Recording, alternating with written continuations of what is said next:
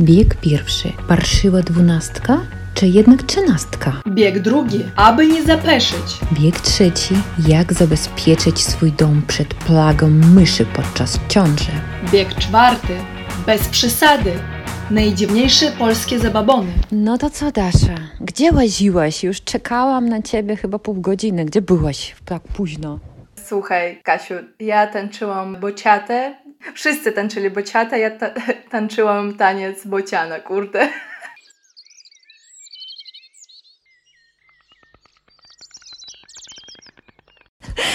Co? Co ty gadasz, Dasz? Gdzie? Że co? Bo Gdzie ty?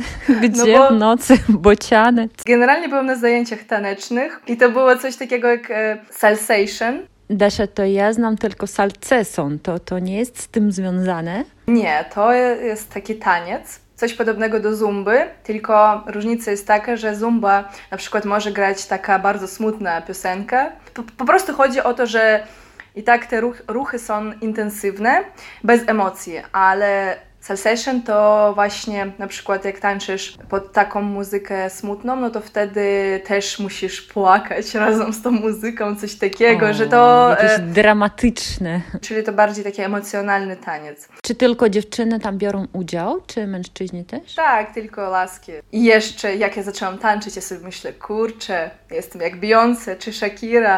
And I'm crazy, A później właśnie patrzę na siebie w lustrze i to był taniec bocianek, poważnie. Albo, no wiecie, oczekiwanie, rzeczywistość. To Dasza Miss Gracja dzisiaj. Postanowiłam sobie, że lepiej nie, nie patrzeć w lustro. No, ale spodobało ci się? Jeszcze raz pójdziesz? Tak, tak, bardzo mi się spodobało. Pójdę, bo pozbyłam się ciemnej energii. Aha, a miałaś? No wiesz, jak e, siedzisz w domu i pracujesz e, z domu, to też tak czasami człowiek degraduje. Aha, no jak dobra. białko. Dobra, Kasiu, jak tam w Kaliningradzie atmosfera, klimacik? O, atmosfera jest dobra. Dzisiaj moja rubryka Wiadomości z podwórka, bo e, chodziłam dzisiaj do naszego sklepu takiego osiedlowego, no i to w naszym domu akurat to jest i zauważyłam, że jest cały asortyment polskich towarów. To proszę, pieczarki, na przykład marynowane morele w syropie, piwo żywiec, jakiś tam mleczny batonik, woda gazowana. No to znaczy mam taki kawałeczek Polski w swoim domu. No i mam nadzieję, Dasza, że kiedy przyjedziesz za parę tygodni, też mi przywieziesz coś takiego polskiego. Oj, to będzie niespodzianka dla Ciebie, bo już mam na myśli kilka rzeczy. Dasza, my tu gadamy, gadamy, ale musimy też chwilę powiedzieć o naszych słuchaczach. Tak, właśnie dziękujemy bardzo za dobre komentarze. Coraz więcej osób do nas pisze. To nas bardzo cieszy. Dziękujemy. Даш, но мы обязательно должны сказать о том, как вообще появился наш сегодня чуть-чуть таинственный выпуск, потому что мы думали над темой, у нас их много идей, нужно было выбрать какую-то одну, ну и что-то мы подумали про суеверие. И потом меня осенило, что это тринадцатый выпуск, Даша. Ты не думаешь, что это судьба? Но вообще, такое, знаете, серии совпадения, не думаю. Поэтому случайности не случайны.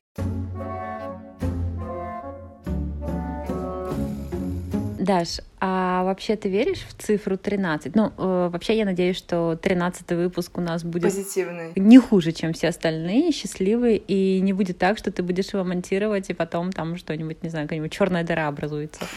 Ну, надеюсь. Может быть, когда я была помладше, то я верила в эти всякие там пятницу 13 Но мне кажется, это все в голове, что, например, ты встаешь утром, думаешь, пятница 13 и тогда день может пойти, ну, не лучшим образом. А причем, если бы мы в этот день не посмотрели на календарь или бы были в отпуске и забыли бы какой день недели, то, возможно, мы и не придали бы этому значения, и все бы пошло бы идеально. Да, но вообще, если говорить уже про неудачные дни, есть такой день в году, по-моему, в начале января, 1 января после Нового года. Ну, это тоже.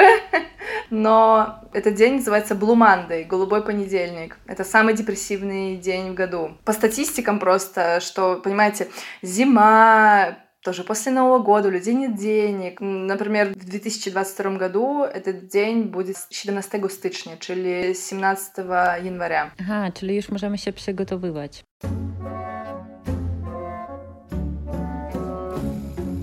Даш, а я тут недавно узнала, что боязнь пятницы 13 имеет даже свое специальное название, но я очень боюсь его произнести неправильно. Сейчас попробую. Параскевидекатриофобия. Czego ludzie tylko nie wymyślą. Причем даже интересно, что э, во всех странах по-разному. Вот, Например, в Греции, Румынии, Испании а, несчастливым считается не пятница, а вторник 13. А в Италии, о которой мы говорили в прошлый раз, кто не слушал, послушайте предыдущий наш выпуск. А в Италии, например, считается пятница 17 несчастливый день. Поэтому, ну, тут я думаю, что все субъективно. Даш, а почему вдруг тринадцатка у нас стала несчастливой, а вот двунадцатка, например, счастливое число? Если мы посмотрим на календарь, то сколько там месяцев? 12. Mamy 12 godzin na zegarze. Cyfroblad состоит из 12 cyfr, из 12 часов. Mamy 12 знаków зодиаку, 12 знаков зодиака. 12 апостолов также из Библии. И тринадцатка tutaj trochę nie pasuje, nie паси. Число 13 здесь как-то не вписывается. Ну так, to jakby taka głupia, nieracjonalna liczba i ona przynosi pecha. Кстати, пех — это неудача, и пеховый — это такой несчастливый, неудачный, пеховый день, на przykład. Я во время последней поездки в Болонию разглядывала самолет, потому что было очень весело. И я сидела, по-моему, в 12 ряду, ну и смотрю на нумерацию. Идет 10 ряд, 11, 12 и 14. Я еще говорю своему молодому человеку тогда, говорю, смотри э, на особенность такую, посмотри. Чиковостка ОД, мне разгадай.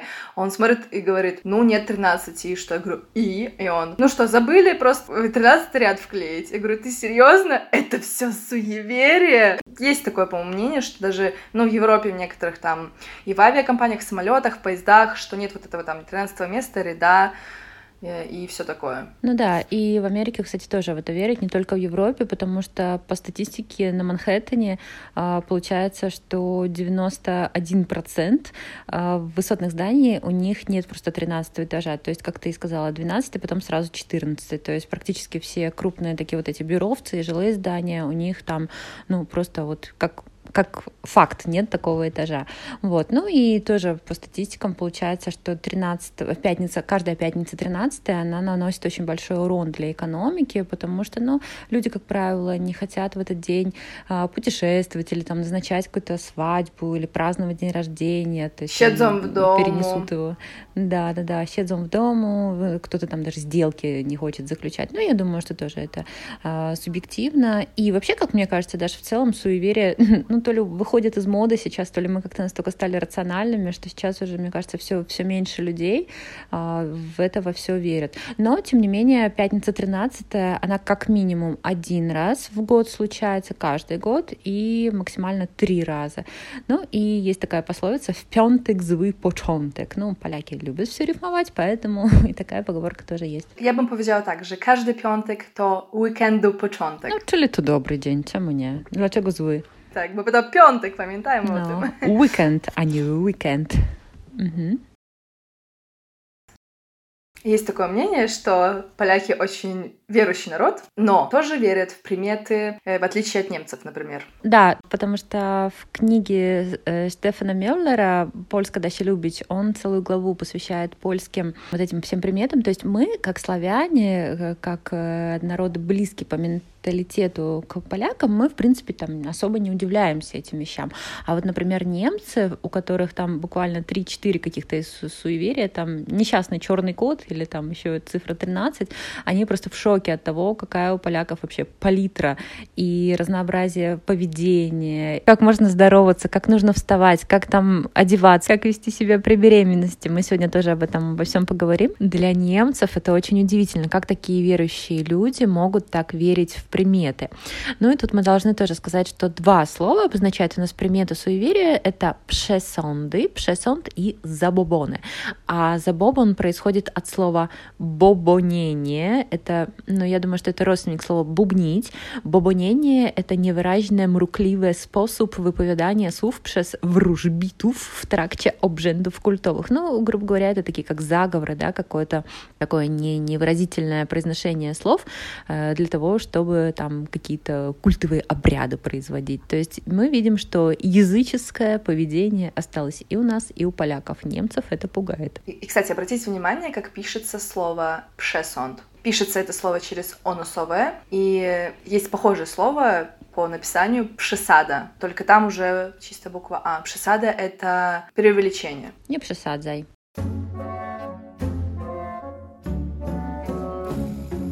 Еще ученые выяснили, что не только люди переживают из-за примет, но также голуби. Гоэмбе, то голубь, то голубь, гоэмбе, голуби. Смысл заключается в том, что над голубями произвели такой эксперимент. Они были голодными, и им из кормушки выдавали э, корм. Но это было не по какому-то графику, просто вот, ну, рандомно, да, выдавали кусочки корма из автомата.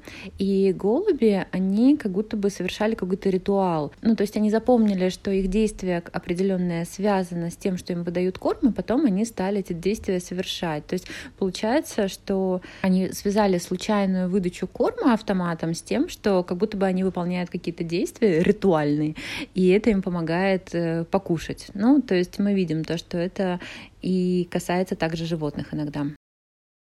Dasz, ty встречала когда-нибудь kominiarza? Nie miałam jeszcze w życiu takiej okazji się spotkać z kominiarzem. Kominiarz — это трубочист. Даш, если ты вдруг встретишь трубочистка, хватайся скорее за его пуговицу, потому что это сулит удачу. Так вот в чем была проблема все эти годы.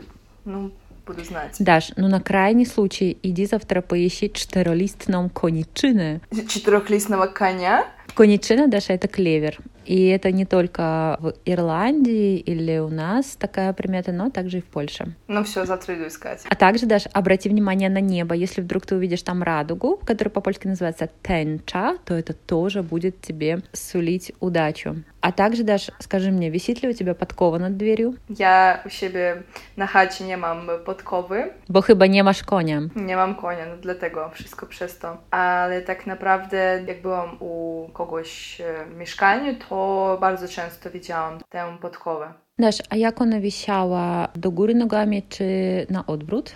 Było różnie, czasami do góry nogami i czasami na odwrót. Nie wiem, czy jest jakiś e, związek z tym? Ну, тут тоже э, и такая-такая версия правильная. Если она обращена вверх, то тогда она как будто бы, ну, аккумулирует в себе хорошую энергию и э, не выпускает ее из дома. А с другой стороны, если она висит рожками вниз, то тогда она как будто бы осыпает э, всех, кто заходит э, в этот дом под подковой Деньгами. хорошей энергией, деньгами, да, и добробытом. Вот, поэтому в любом случае хорошо, и так, и так. Ну, раз мы уже находимся в приметах, которые связаны с прихожей, есть одна примета, в которую я с детства прям верю. Это если я выйду из дома и что-то забуду, я возвращаюсь и всегда смотрю в zеркало. Zawsze się patrzę w lustro. Ale w Polsce, no w Polsce, если ты что-то забыл, возвращаешься домой, то musisz najpierw usiąść. Ты должен сначала присесть. Ну да, интересно. Ну и в Польше, и у нас есть такая примета присесть на дорожку, да, посидеть, если перед путешествием, перед каким-то. И причем поляки это объясняют тем, что у нас находятся домашние духи, такие малые душки, на нас siedzą, и нужно дать им время, чтобы они успели с нас слезть, чтобы они остались дома. Так что вот поэтому именно мы сидим перед дорогой.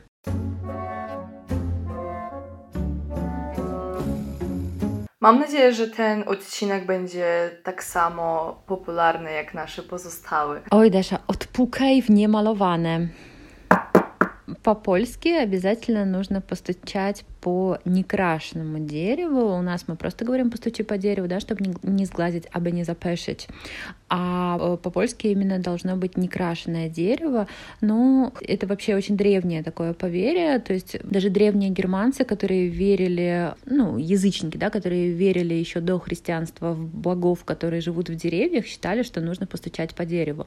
А христиане уже потом приняли эту традицию, ну, как бы касательно деревянного креста Христа, то есть она связана была уже немножечко с другим аспектом, но тем не менее традиция осталась. То есть отпукать в немалованное — это тоже такая популярная примета, и поэтому надо дома иметь что-то из непокрашенного дерева обязательно. Даш, скажи, пожалуйста, а чего ни в коем случае нельзя делать в Польше? Ни при каких обстоятельствах нельзя rozbiwać zerkala. Nie można rozbić lustra, bo wtedy będziesz miał nieszczęście. Przez 7 lat chyba. Да, тогда будет несчастье в течение 7 лет. Я разбивала, кстати, люстерко, но не смотрелась в него. По-моему, у нас говорят, что главное не посмотреться в него, ну и, как мне кажется, не порезаться главное. Это связано с тем, что зеркало отображает кусочки, кавалки нашей души, нашей души. Ну, кстати, с зеркалом тоже связана примета, что маленькие дети не должны до года смотреться в зеркало. И я не придерживаюсь такой приметы, хотя знаю, что некоторые прям запрещают. Ну, это дело каждого, да. Если, если вы в это верите и вам это как-то помогает, или наоборот вы считаете, что правда с этим что-то может быть связано, ну, конечно же... Bardzo ładnie. Да, bardzo ładnie. Еще если мы идем, например, по парку, и тут нам дорогу перебегает тун-тун-тун-тун-тун черный кот, черный кот, Мяу. тогда нужно, ну, не знаю, мне так говорили в детстве, схватиться за что-то черное, чтобы все было окей, чтобы тебя неудача пошла стороной. Не знаю, в Польше, по-моему, просто нужно повернуть обратно и уйти. Выхода другого нет. Также, да, в Польше, получается, не стоит вставать с левой ноги, встать с левым ногом. Нельзя ставить сумку на пол, торба на подводзе не повинна стать, ну, потому что считается, что деньги из нее убегут. Uciekną. Кстати, про деньги, да, мы тоже не сказали, что для того, наоборот, чтобы были деньги, нужно после Рождества, после рождественского стола взять одну чешую карпа рождественского и положить ее в кошелек. Łuska karpia to się nazywa i położyć do portfela. I mam nadzieję, że nie będzie śmierdziała przez cały rok, a tylko przynosiła pieniądze. No, потому что она похожа на монетку и приносит вам деньги. Я nic takiego nie widziałam.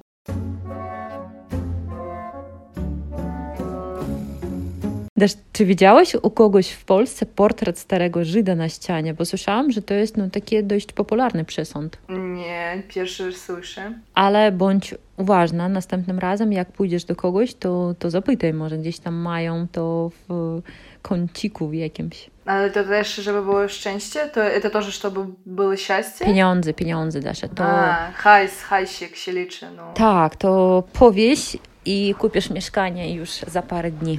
O, super, no to już...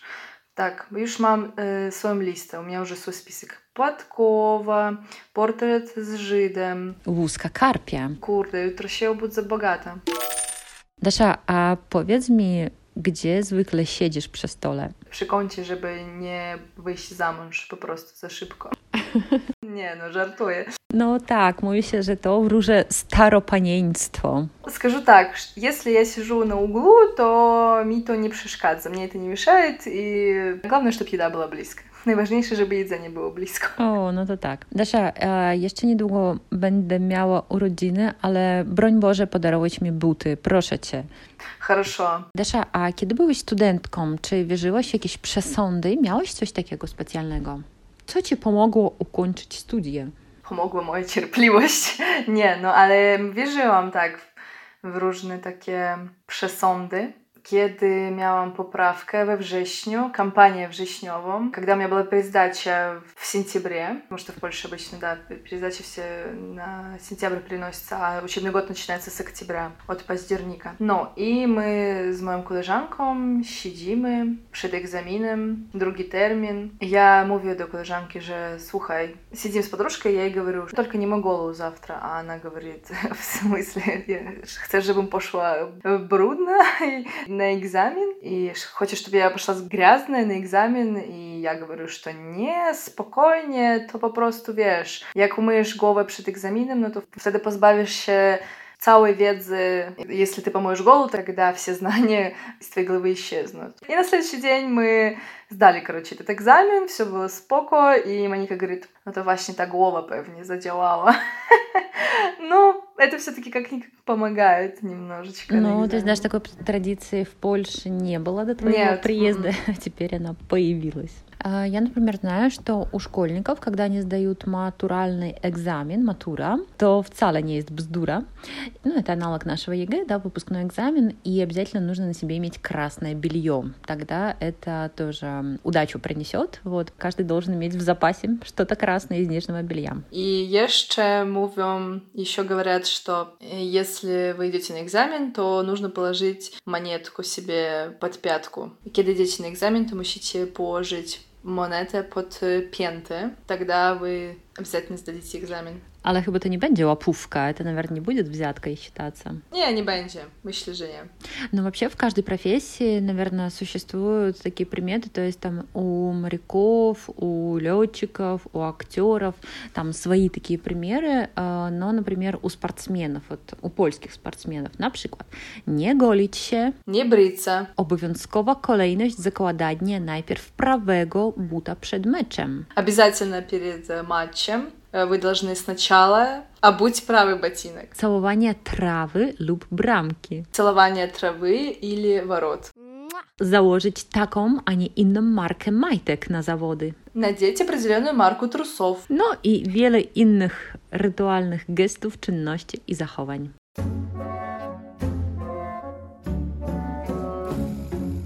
Даш, а в жизни ты встречалась э, с какими-то приметами Польше? Например, в Гданьске, когда я еще работала в галерее handlowej, w торговом центре, koleżanka czasami mówiła, kurczę, swędzi mi nos, bo ktoś mi obgaduje, кто-то обо мне сплетничает. O, a to ja myślałam, że tylko czerwone uszy nam o tym mówią, nie? E, No tak, tak, e, też tak myślałam, ale widzisz. I ja jej, do niej mówię, że nie, to u nas w Rosji znaczy, że będziesz chlać.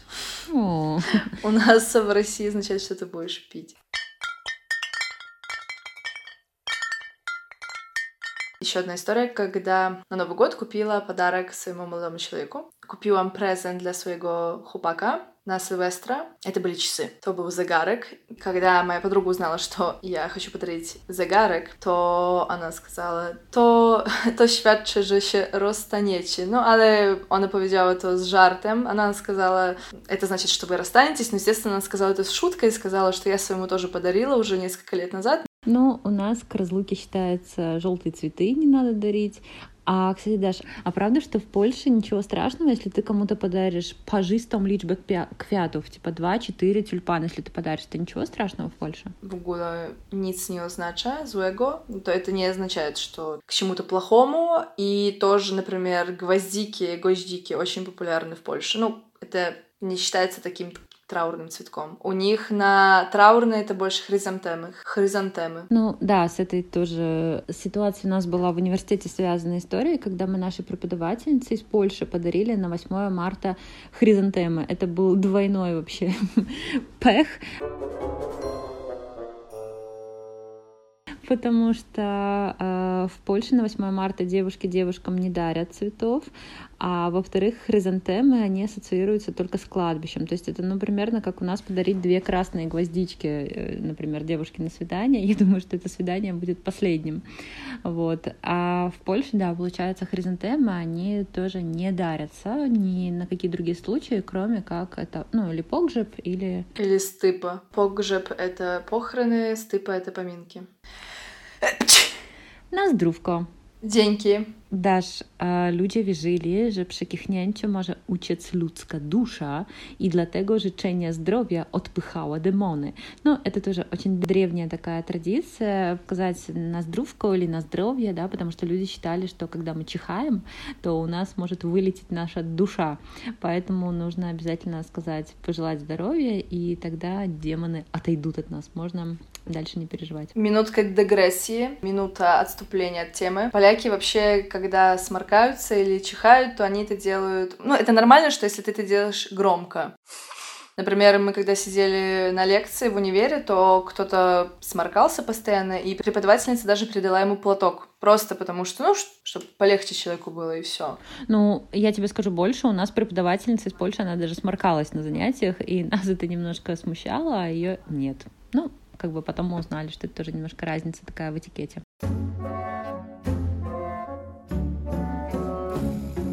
Dasz, dzisiaj często wspominamy twoje koleżanki. Jak myślisz, czy one czkają?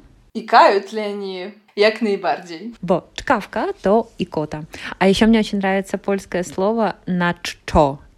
Это тощак. На тощак нужно выпить, допустим, витамины. На ччо. Например, вам говорят, придите, пожалуйста, сдать кровь на ччо. Да, это слово из разряда «ждьбо» и так далее. Сломай язык. Кать, так как у тебя двое детей уже, расскажи, пожалуйста, сталкивалась ли ты суевериями во время беременности? Подчас чонжи. Даш, ну я вообще не склонна этому всему, всему верить, потому что во время беременности считается, что очень много запретов. Нельзя вязать, нельзя шить, нельзя подстригаться, потому что будут там какие-то не очень хорошие последствия. Вот, ну я старалась э, к этому относиться очень спокойно, и даже если мне кто-то что-то говорил, я просто говорила, что я не верю в это.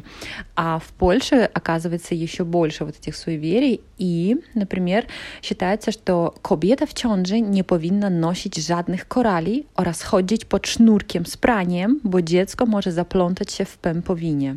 То есть считается, что беременная женщина не должна носить никаких бус, а также ходить под веревкой с э, вывешенным бельем, потому что ребенок может запутаться в пуповине. Также э, считается, что нельзя заглядывать в замочную скважину, заglądać przez dziurkę od klucza, bo dziecko będzie, uwaga, miało zeza. Э, ребенок родится косоглазом. Также не рекомендуется смотреть на Луну, patrzeć na księżyc, bo, uwaga, dziecko będzie łyse. Tak samo stanie się, kiedy będziesz golić nogi. Даша, uważaj. То есть, когда вы будете брить ноги или смотреть на Луну, произойдет ужас, и ребенок будет лысым. Ну, понятно, что нельзя стричься, nie można obcinać włosów, co ma spowodować zmniejszenie inteligencji dziecka. Ну, как бы ребенок ваш родится глупым тогда, если вы пострижетесь. Nie można z nikim dzielić się jedzeniem, bo kobieta wtedy będzie miała mało pokarmu, тогда будет мало молока у женщины, чтобы выкормить ребенка, если вы будете делиться z кем-то едой. I najważniejsze, nie można zmywać naczyń, żeby woda nie zachlapała brzucha, co spowoduje, uwaga, że dziecko będzie alkoholikiem.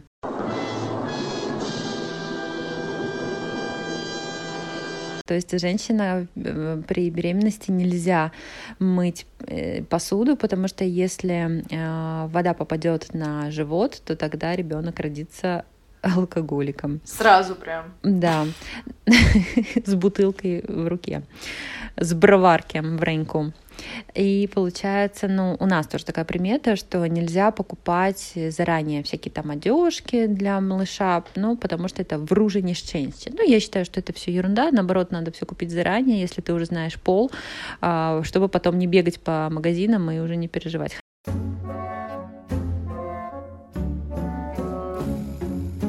Ciekawostka. Ciąża – это беременность. Ciężarówka – это грузовик. Ciężar – это тяжесть. В принципе, с этим можно согласиться, потому что и там тяжесть, и тут тяжесть.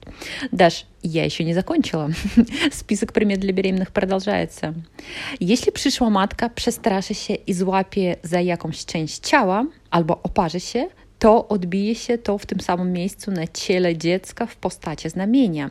То есть, если мама будущая, она испугается и вдруг схватится за какую-то часть тела, не дай бог, то тогда у ребенка обязательно будет родинка на этом месте. Если мама во время беременности испугается, то тут очень важно кого. Если она испугается мышь, to тогда dziecko urodzi się z ciemnym znamieniem, zwanym myszką. Э, Ребенок родится с э, темной родинкой. Э, Если mama испугается петуcha, mama zlękła się koguta, to pociecha będzie miała koguta na głowie, jak nazywa się niesfornie układająca się kępka włosów, to jest такой хохолок. А также, Даша, когда ты будешь в положении, в стане богословенным, как это называется по-польски, не смей никому ни в чем отказывать, потому что, Даша, то спровади на твой дом плаге мыши, на твой дом нападут мыши. Вот. Но я думаю, что тут можно углубляться бесконечно в эти все приметы, потому что их огромное количество.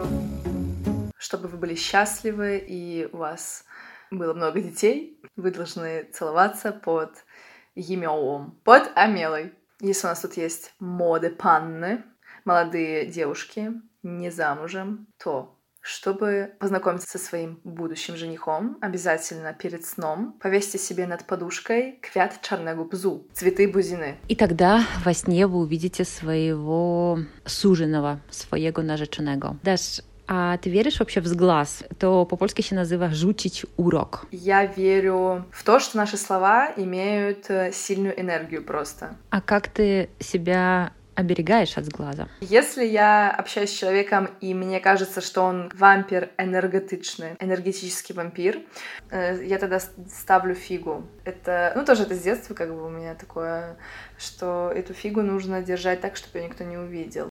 Катя, а ты как к этому относишься вообще? Считается, что у нас э, в коляску малышу надо приколоть булавку или на одежду надо приколоть булавочку, а в Польше считается, что надо красную ленточку привязать, czerwoną wstążeczkę, żeby nikt nie zauroczył. Ну, то есть, чтобы тоже никто не сглазил. А также считается, что когда зеваешь, нужно закрывать рот руками, ре- ręką usta, bo nieżyczliwy, Dasza, policzy cię zęby i rzuci urok, потому что завистливый человек даже может посчитать все твои зубы и сглазить тебя.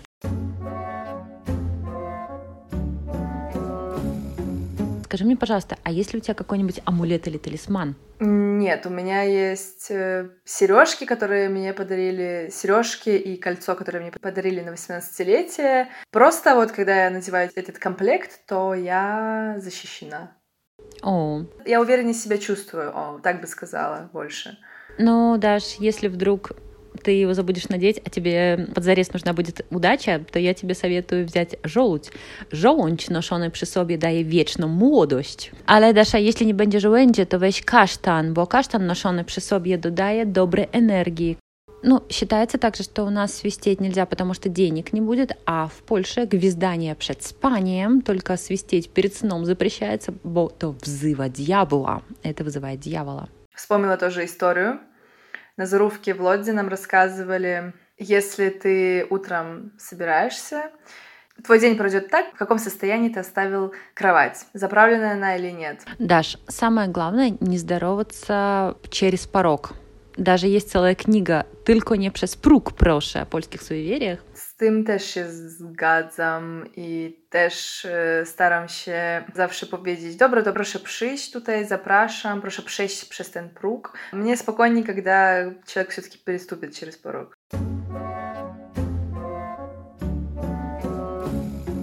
Ну да.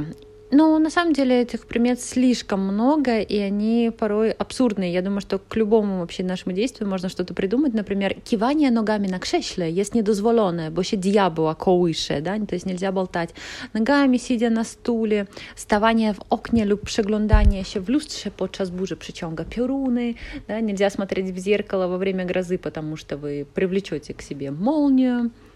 Также кубитки, дорогие дамы, пожалуйста, не śpiewajcie przy jedzeniu, nie pojcie во время еды, bo będziecie miały głupiego męża, потому что у вас будет э, тогда глупый муж. Даш, скажи мне, пожалуйста, ты не купалась случайно после 2 августа? Nie, jeszcze nie, a co? Не вздумай, не вольно już kąpać się. В Польше считается, что нельзя купаться до Дня Св- Святого Яна, 24 июня, а в России считается, что нельзя купаться после 2 августа, потому что Святой Илья пописал в воду, и она уже холодная. Так что, Даша, не вздумай. Dzięki za ostrzeżenie.